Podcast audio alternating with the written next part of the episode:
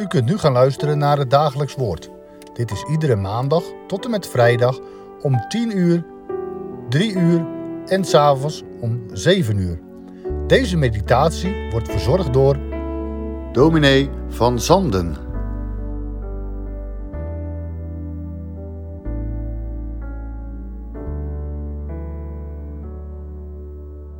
Vandaag lezen we uit de Handelingen der Apostelen, het 22e hoofdstuk, de versen 16 tot en met 21. Paulus is aan het woord en hij zegt het volgende. En nu, waarom aarzelt u?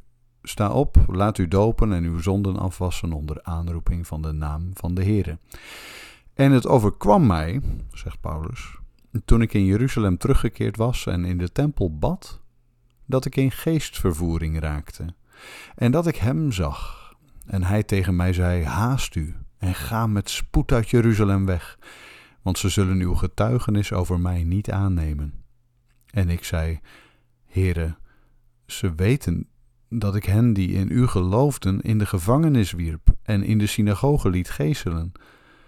En toen het bloed van Stefanus, uw getuige, vergoten werd, stond ik daar ook bij en stemde van harte in met zijn dood en paste op de kleren van hen die hem doden.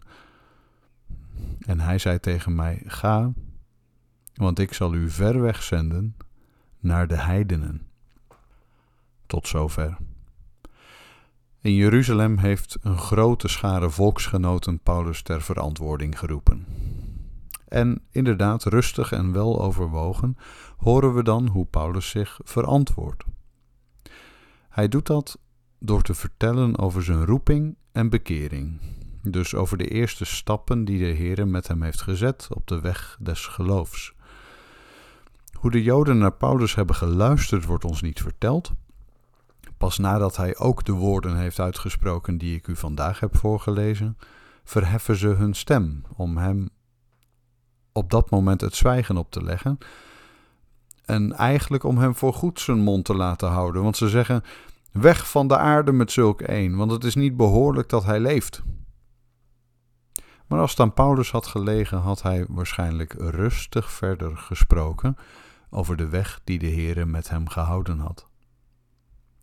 Wat Paulus hier vertelt is een minder bekend stukje van zijn geloofsweg. Hij zegt: Ik was op een keer in Jeruzalem, ik was in de tempel, ik bad en ik raakte buiten mezelf. Toen zag ik hem en toen sprak hij tot mij en toen kreeg ik dingen van de hemel te horen. Wanneer is dat gebeurd? Sommige uitleggers verwijzen naar Handelingen 9, vers 28, waar staat: En hij was met hen ingaande en uitgaande te Jeruzalem. Dat was heel kort op zijn bekering. Het kan ook wezen dat, uh, dat deze gebeurtenis in Paulus' leven ongeveer drie jaar later heeft plaatsgevonden. Dus drie jaar na zijn roeping en bekering. Dat is wat de kanttekenaars op de Statenvertaling suggereren. Maar nu komt Paulus daarop terug. Wat er toen is gebeurd om te vertellen hoe dat de Heere hem toen duidelijk te kennen heeft gegeven dat zijn bijzondere roeping als evangeliedienaar, als dienstknecht van Christus, in het buitenland lag. Ga heen, want ik zal u ver tot de heidenen afzenden. Beste luisteraar, er is er over deze tekst buitengewoon veel te zeggen, dat begrijpt u. Maar een mens moet keuzes maken en daarom onderstreep ik niet meer dan een handvol woorden in vers 17. En dan wil ik daar graag nog een beetje op doorgaan. En dit zijn de woorden waar we dan in gedachten een streep onder zetten. En hij bad in de tempel. Paulus ontmoette de Heere op de plaats waarvan de Heere gezegd had: Daar zul je mij ontmoeten. Dus Paulus die was op de juiste plaats om de stem van de Heere te verstaan. Calvijn zegt in zijn commentaar bij deze tekst: Die tijds- en plaatsomstandigheid werken daaraan mee, het welk een goede voorbereiding was om acht te geven op de stem des Heeren. Ik zet juist hier een streep onder omdat ik denk dat er een belangrijke les in ligt voor de kerk van onze dagen en wie weet ook wel voor u en mij persoonlijk. Velen hebben in onze dagen, buiten en binnen de kerk, een totaal gebrek aan godservaring. Ik hoor het terug bij de jeugd op de catechisatie. Dominee, hoe moet dat? Gods stem verstaan. Hoe werkt dat? Want ik heb hem nog nooit gehoord. Je hoort het ook bij mensen die wat ouder zijn en die een christelijke levensovertuiging zijn toegedaan en toch hun weg door het leven gaan onder een gesloten hemel. Ik heb God nog nooit gezien eigenlijk. En om nou te zeggen dat ik iets van hem merk, dominee, ik weet dat eigenlijk niet. Zeg luisteraar, hoe zou dat komen, denkt u? Dat er zo weinig wordt ervaren van de hemel op de aarde. Ligt dat aan God? Wil Hij zich niet aan mij openbaren? Schept Hij er genoegen in om onbegrijpelijk op mij over te komen? Of zou het zijn omdat wij in onze dagen steeds schaamtelozer nalaten wat Paulus hier nu juist niet nalaat? En hij bad in de tempel. U zegt, dominee, waar wil je nou heen? En als je wat te zeggen hebt, zeg het dan gewoon. Nou goed, dan zal ik het gewoon zeggen. Kijk, ik kan mij vergissen. En ik hoop dat ik mij vergis. Maar het lijkt erop dat we onszelf steeds gemakkelijker een zondagje vrij afgeven. Er is natuurlijk een hoop te doen. Zeker als je houdt van sport en spel of van festivals en bijeenkomsten. En één keertje maakt niet uit, toch? Nou ja, dat weet ik niet. De praktijk leert dat het meestal niet bij één keertje blijft. En ja, niemand spreekt je er verder op aan. En misschien dat je het voor jezelf ook nog wel aan de heren kan verantwoorden. Maar zo is er natuurlijk elke zondag wat. Want s'morgens ben je moe van gisteravond.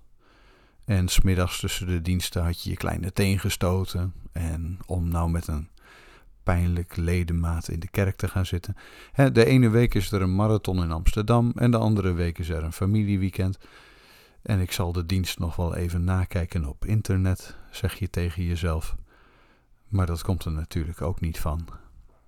Kijk, het is natuurlijk allemaal heel goed te begrijpen. Maar het grote gevaar dat erin schuilt is, je loopt zoveel mis. En het is natuurlijk ook niet vol te houden. Klagen over een hemel die zo ver weg lijkt, terwijl je je inspanningen om te zoeken de dingen die boven zijn tot een minimum beperkt. Nou, nou, zegt u dominee, niet zo mopperen nou, want anders dan ga ik niet meer naar je luisteren. Ja, liever luisteraar, maar het is niet om te mopperen.